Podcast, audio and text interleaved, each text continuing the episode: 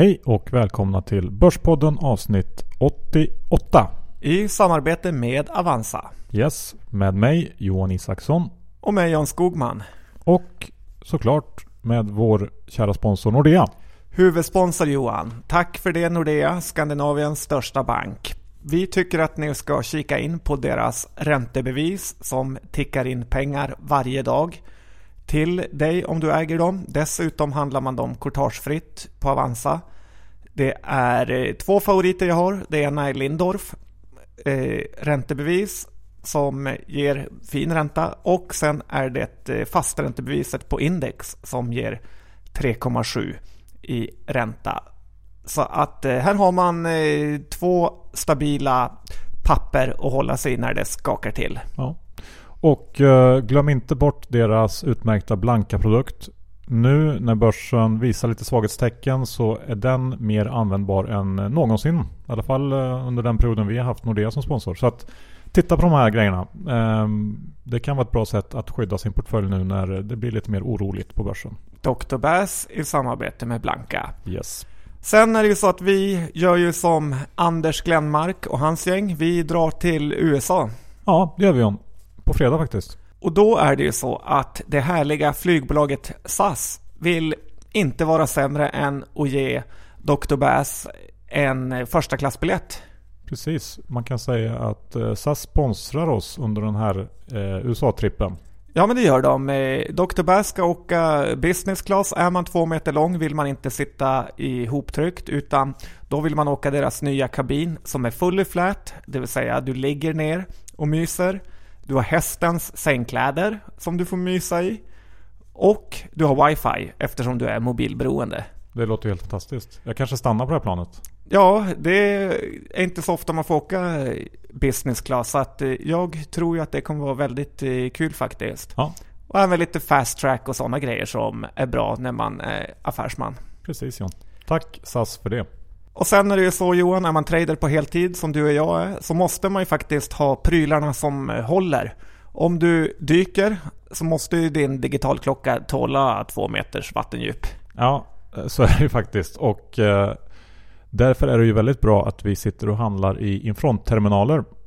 Och även att vi har Infront som eh, sponsorer för den här podden. Jag vi tycker att alla som eh, har lite ambition när det gäller sin aktiehandel ska skaffa en eh, handelsterminal från Infront. Du får en helt annan överblick och en helt annan edge när du sitter och handlar och det är ett måste. Speciellt nu när det är rapportsäsong när det kommer väldigt mycket nyheter och det gäller att vara snabb att agera. Och då tycker vi också att man ska lägga till det här lilla paketet med realtidsnyheter och konsensussiffror och flashar ifrån Direkt. Då får du ännu lite bättre koll på vad som händer. Så och, gör det. Och gör du mycket courtage så kan du grina till dig en bra deal. Ja, det här ska du kunna få billigt eller gratis från din mäklare. Och missa inte heller tävlingen som vi kör och missa inte heller tävlingen vi kör tillsammans med Infront. Gå in på go.goinfront.com BP och var med och tävla om 6 månader gratis prenumeration på deras Top Deluxe version Infront Plus. Ja, men eh, det ska man ha. Jag kan inte ens tänka mig hur det är att trada utan att ha en terminal. Vad ska vi prata om idag då, Johan? Ja, idag blir det ju eh, lite hastigt och lustigt får vi ju prata om eh, Ingves senaste utspel här på morgonen. Ja, han har ju varit och chockat marknaden igen med saker som han knappt själv vet vad han gör. Ja, och så blir det ju såklart massor av rapportsnack. Det låter ju som att du lockar ganska rejält nu. Ja, nu kör vi igång.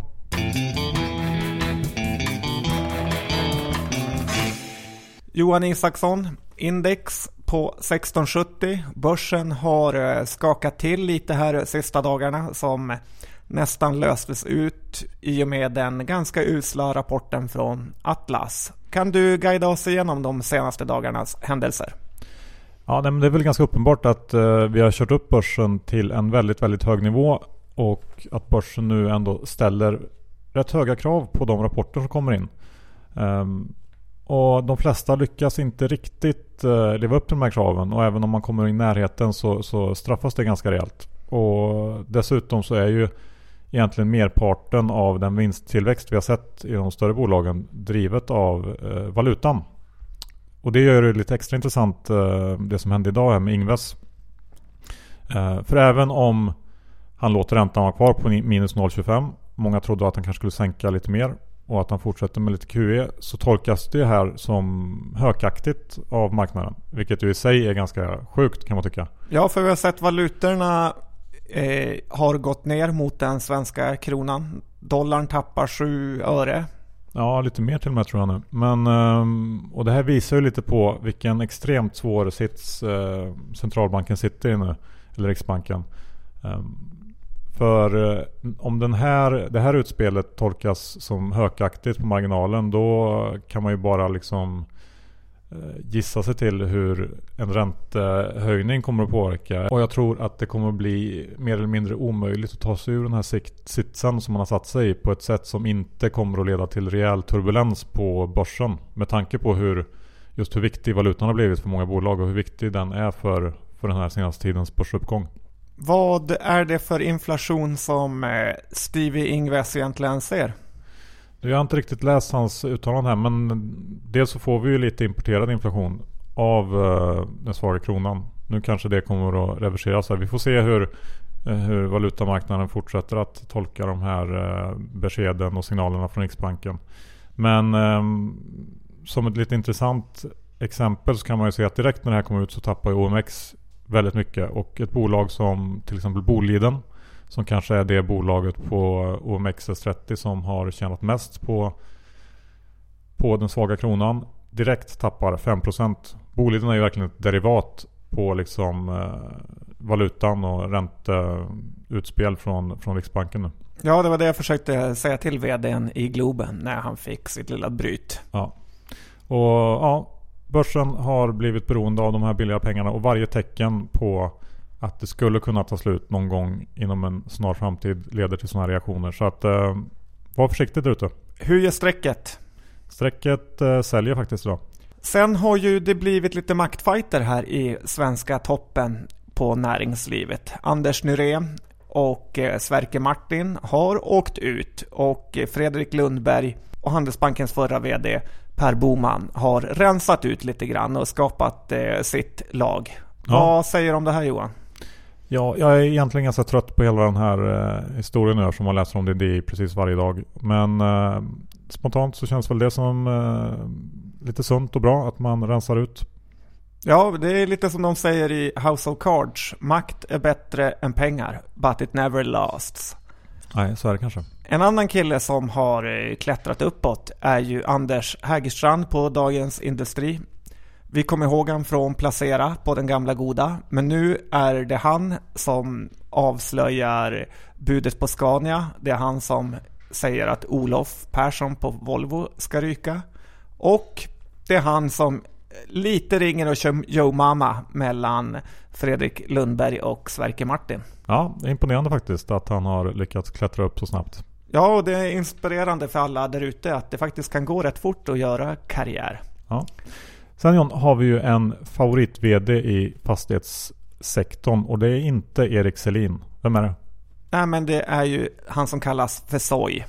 Sven-Olof Johansson. Precis, och han har skrivit eh, ganska mycket i den senaste årsredovisningen som kom om både Sveriges försvar och framtid och eh, världsekonomin i stort. Det är faktiskt riktigt läsvärt. Ja, kika in på den.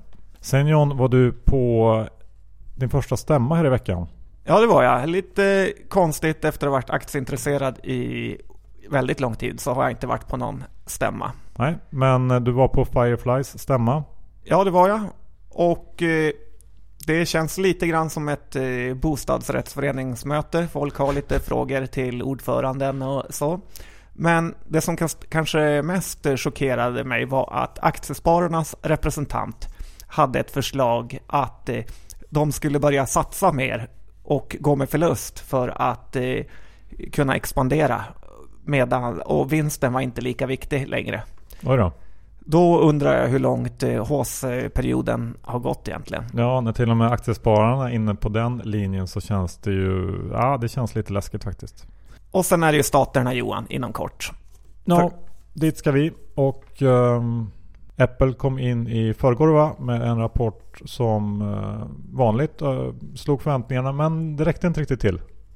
Nej, kanske inte. Berätta. Varför räckte det inte? Nej, jag vet inte. Aktien har eh, tappat någon procent där. I och för sig så har den ju gått upp 6-7% veckan innan här rapporten. Så att det låg väl lite förväntningar kan man säga i kursen.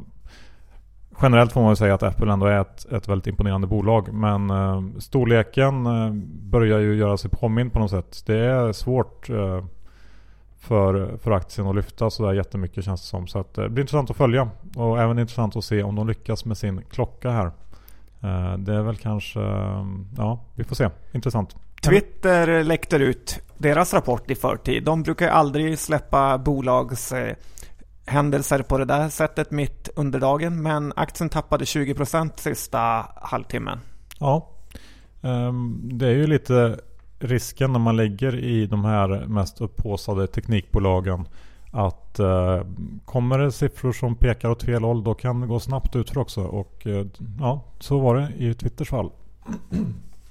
Eh, själv kanske lite överraskad över de usla siffrorna. Men, det, men jag vet inte om man är lite färgad av att man använder Twitter så mycket själv och att det känns som att det har blivit så stor del av finansbranschen. Eh, om man tittar utanför den så kanske det inte är lika populärt. Jag vet faktiskt inte. Men vi får väl återkomma med eh, lite mer USA-reflektioner i nästa veckas podd. Eftersom vi kommer vara på plats då helt enkelt. I övrigt då John, rapportperioden har pågått ett tag nu. Hur känner du dig? Jo, men eh, det känns bra. Det här har ju varit en av de allra bästa rapportperioderna för traders där ute. Vad jag har kikat runt eh, lite så är det många som har tjänat fruktansvärt mycket pengar under den här perioden. Så att eh, det, är kul. Sen börjar man ju bli lite mör i slutet av en rapportperiod. Nästan så att man drabbas av posttraumatisk stress syndrom. Men var inte du ute och, och drack tre öl och spelade bowling på lunchen i fredags? Alltså, så jobbigt kan det inte vara eller? Nej, vissa eh, fördelar har man ändå som trader fortfarande.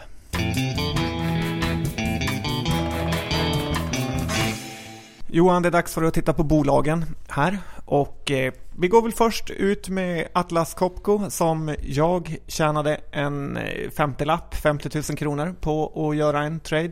Då strecket eh, ballade ur och våldsköpte aktier in i en jättedålig rapport.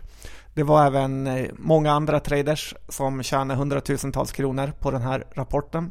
Men Sveriges bästa, du var nog nummer ett av dem ändå. Det vet jag inte riktigt, men det var ju i alla fall den absolut bästa rapporttraden för min del under den här perioden. Um, jag fick ut rätt mycket aktier direkt på rapporten där.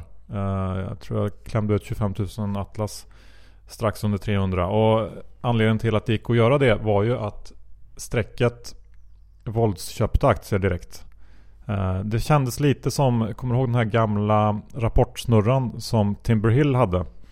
Ja, den kommer vi alla traders ihåg. Ja, man fick lite flashbacks till den. Eh, det kändes som, nästan som att det var samma gamla snurra som de hade kopplat på igen. Som eh, ja, helt enkelt köpte fruktansvärt mycket aktier samtidigt som rapporten var rätt kass. Eller väldigt kass i alla fall om man ser till förväntningarna. Och eh, jag tror att man kunde sälja på bra nivåer ganska länge. Säkert någon minut efter rapporten hade kommit där. Så att den här rapporten tror jag många gjorde väldigt mycket pengar på. Men 25 000 aktier, då var du kort för kring 8 miljoner.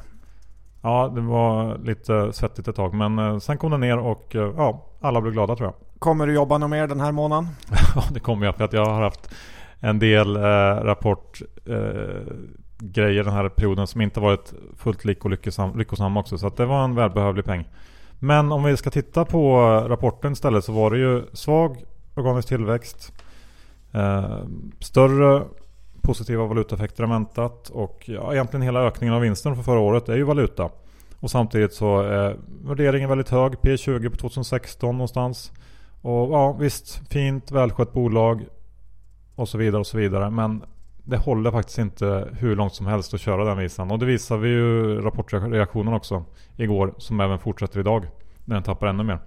Så att ehm, ja, skönt ändå att börsen ehm, kan säga ifrån ibland. Ja, det förstår jag att du tycker. Sen har vi ju Intrum Johan. Ja, Vad säger du om eh, den rapporten då? Vi brukar ju alltid vara lite småskeptiska till Intrum. Eh, de lyckas ju aldrig riktigt köpa så mycket kreditportföljer som marknaden vill men aktien går ändå upp. Nej, men jag säger väl lite som 40-20 här att det är ganska svårt att räkna på sådana här bolag. Men däremot hörde jag från mina kontakter i London att eh, Lars Wollung, VD på Intrum, var och gjorde en liten roadshow där och folk sprang ut ur mötet för att eh, köpa aktier. Han eh, verkar ytterst kompetent och eh, London-folk älskar honom. Ja, märks i aktiekursen om inte annat. Sen har vi ju Electrolux Johan, ditt eh, hatbolag som faktiskt eh, tjänar lite på den här reverse dollar-effekten. Mm, ett av få bolag, eh, verkstadsbolag som gör det. Men eh, man hann inte vara glad särskilt länge över den vinstvarningen. Nej, inte om man eh, är innehavare av blanka. För aktien är nästan på toppnivåer igen. Ja, den är ju en bit över där den var när de vinstvarnade för några veckor sedan. Och eh, ja, rapporten kom. Eh, alla hade sänkt förväntningarna och kanske lite för mycket efter den här vinstvarningen. För att nu lyckades Electrolux ändå överraska med lite lägre förlust än väntat i USA och lite bättre tryck än väntat i Europa. Och det utlöste ett så kallat relief rally i aktien som stack upp rejält på rapporten. Eh, jag har såklart inte ändrat min uppfattning om det här bolaget.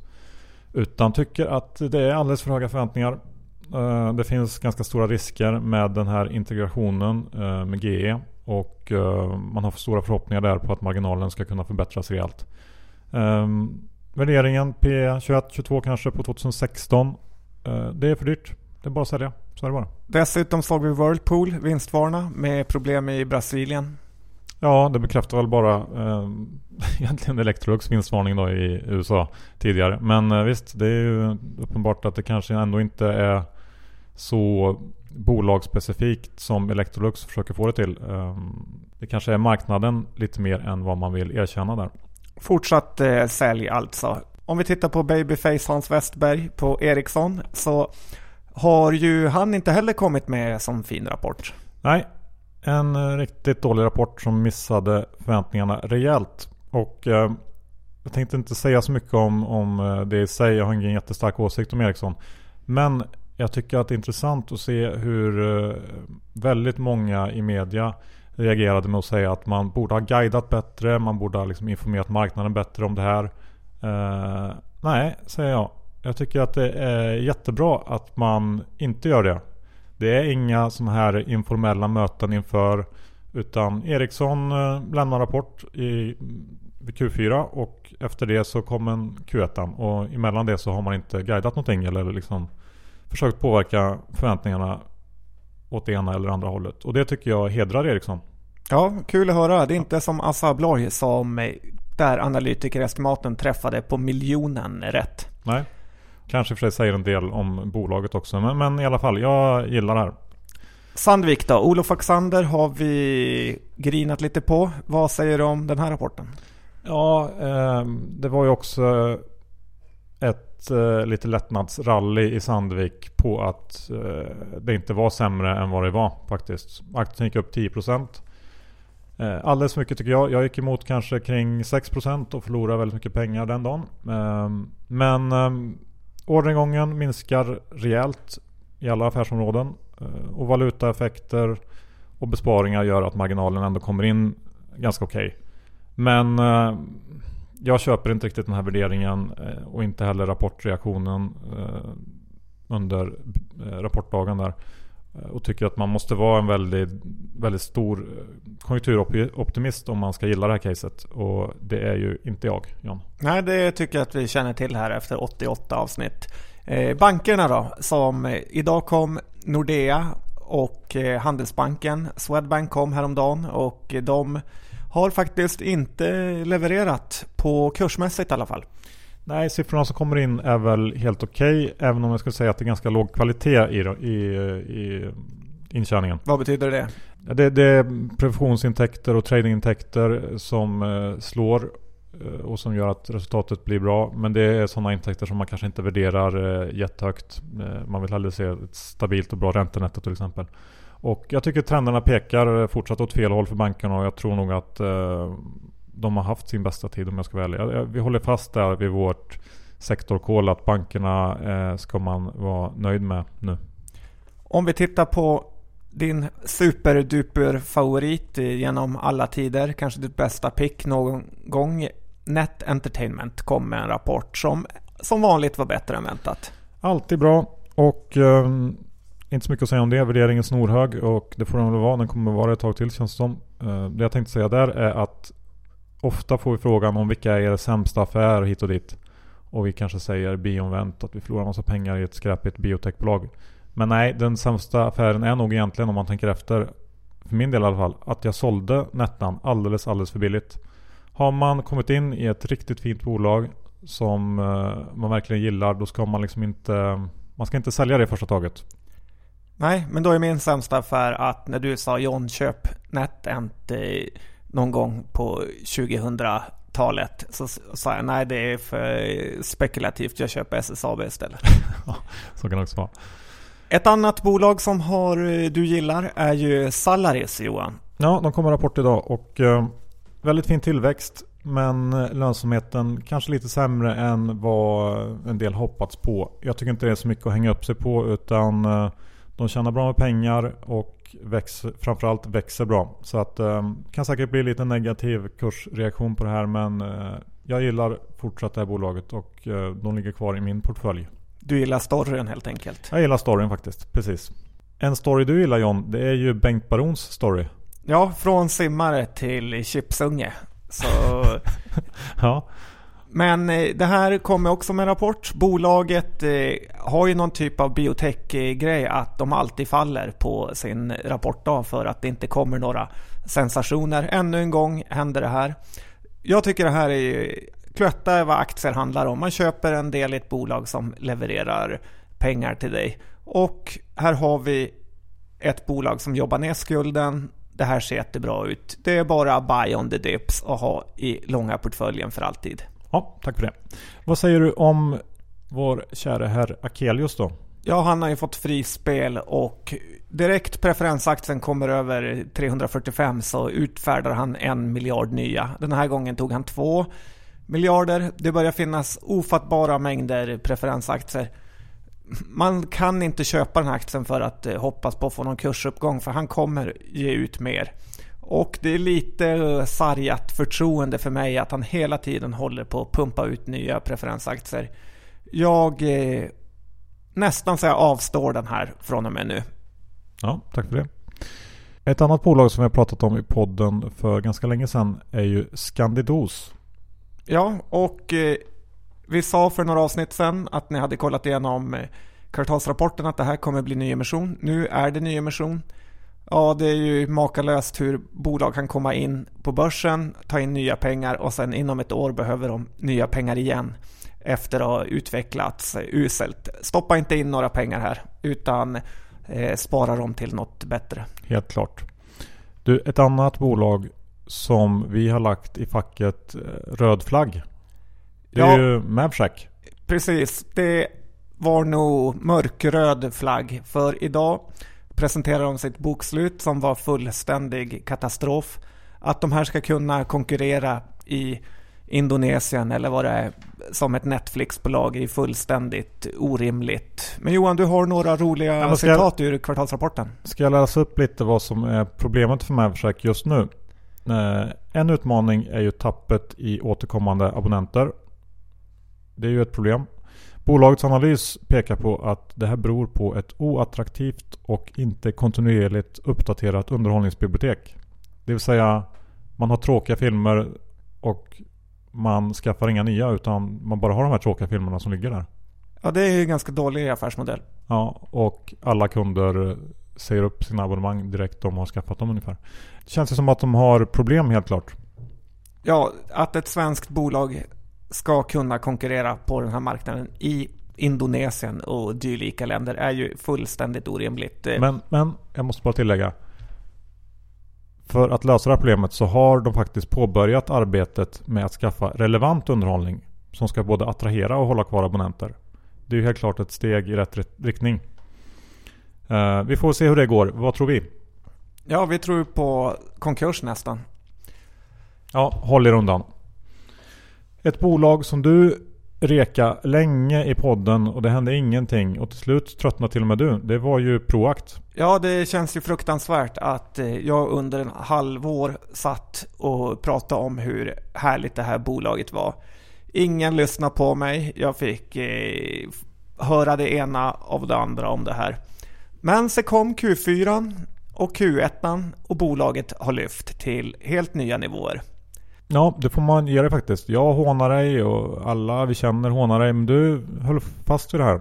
Ja, länge men inte tillräckligt länge. Och man måste komma ihåg att tålamod är en dygd inom börsen. Och även lyssna inte på andra om du tror att du har rätt. Visst, det är bra att ta in information, men lita på dig själv. Ja. Hoppas någon annan där ute gjorde en bra affär i alla fall. Ska vi ta en snabb titt också på NGS som ju du eh, har rekat tidigare i år. Som kommer rapport idag. Ja, bra bolag, bra rapport. Eh, det här tuffar på. Jag gillar NGS bättre än Dedicare. Jag vet att du är tvärtom Johan. Ja, bägge är bra i och för sig. Ska vi avsluta hela den här stora rapportgenomgången med att du presenterar en köpvärd trio av aktier som du har vaskat fram bland alla rapporter? Ja, nu har jag tittat på de lite mindre listorna och det här är bolag som jag har köpt aktier i så att eh, Affärsvärlden inte behöver skriva en krönika om det. Det första är Midway, ett industrikonglomerat som har gått igenom sju bedrövelser och sen några till. Nu tycker jag att det kan ha lossnat lite och jag tycker på 17 kronor kan man göra ett litet eh, späckköp av det här för att eh, se. Här, här, känner jag lite att Ingves står med en käpp och petar i längre och längre ut på riskskalan. Eh, jag köper inte det här men visst, en chansning kanske det är värt. Ett, ett köp och en säljrekommendation då. Sen har vi kanske den bästa av den här trion som jag gillar och det är ju VBG. En bortglömd pärla lite på grund av att likviditeten är så usel i det här bolaget. Men är helt skuldfria, pengarna tickar in. Det är P13 på det här nu och eh, ja, det här ska man äga. Jag förstår inte hur man kan köpa Haldex eller Koik eller liknande för det här. Det här är mitt bolag i fordonssektorn. Ja, men det kan jag hålla med faktiskt. Och den sista lilla aktien som kommer in i din trio? Nej, men det är ju Torsten Jansson. Han säger själv att jag inte sett så här ljust på framtiden sedan 1997. Det är nästan 20 år sedan Johan. Han var ung och lovande och hade hela livet framför sig. Och nu är han lika positiv igen. Jag känner lite att han måste leverera när han skriver sådana här grejer och gör han inte det så skämmer han ut sig själv. Och jag väljer att ta rygg på Torsten och ta en liten stek. Men har inte han varit positiv ganska länge i sina rapporter? Han är mest galen i sina vd-ord skulle jag säga. Men det här är i alla fall inte mer positiv än så här har jag sett. Nej, visst. Eh, det borde ju lossna för honom någon gång och eh, rapporten var helt okej. Okay. Så att ja, ett spekulativt köp kan vi sätta där. Ja, tre spekulativa. Ja, det var det vi hade John. Det var det väl. Nästa gång sänder vi från United States of America med Warren Buffett och Charlie Munger. Jag ska även skicka till Dividend Mantra säger om man vill träffa mig för en snabb fika.